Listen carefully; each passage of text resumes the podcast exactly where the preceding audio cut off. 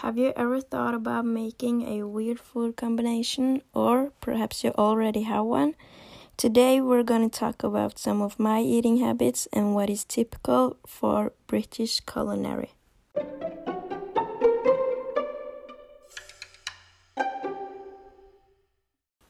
Hello, guys, my name is Julia, and welcome to this episode of the podcast. I consider myself to be a picky eater. I can sometimes be very skeptic when trying new food, but to be fair, I think many people are when you try out something new. If you guys would have gone through my pantry and fridge, you would find food from different countries. I have some fruits and vegetables from exotic countries and the reason that many of our fruits and vegetables come from these countries is because of the climate. Some uh, fruits need to grow in this type of climate or it would not grow at all. I got I also got some pasta in my pantry. Uh, it comes from Italian culture and I could also guarantee you if you would have uh, looked through my kitchen, you would find some kind of ready to go meal. And you would find the brand Toro, uh, which is Norwegian manufacturer, and but their product consists of many different cultures. England, Scotland, and Wales make up Great Britain, they all had different and rich food cultures and traditions. Their culinary were influenced by other cultures from the colonial, colonial time, especially those from South Africa and India. England took many different spices and herbs from Asia and even got their tea from there. The British East India Company had monopoly over the tea indus industry, and therefore tea became a very popular drink in England and even more popular than coffee.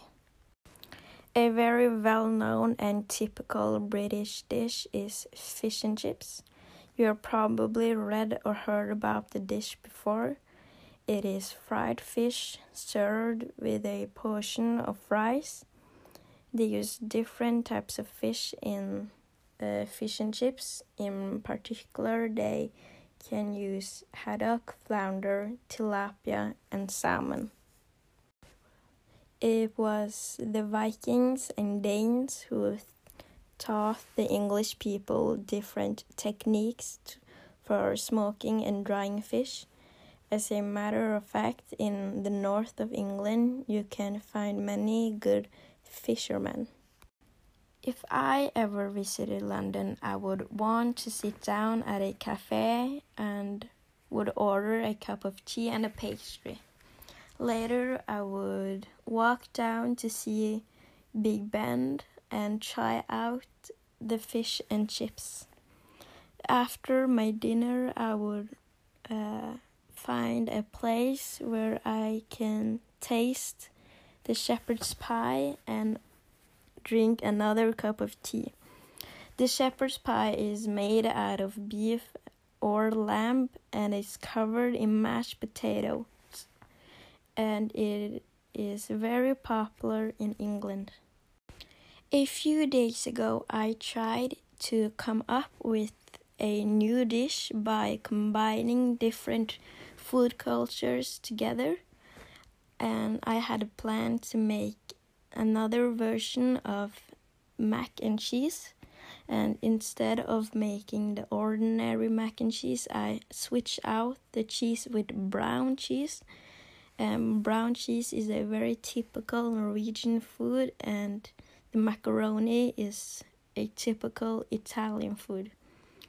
The end result was something that looked like mac and cheese, but had a different color and it the taste was different uh, it was sweeter but and at last i would rate the dish a 3 out of 6 Thank you guys for listening to today's podcast about British culinary.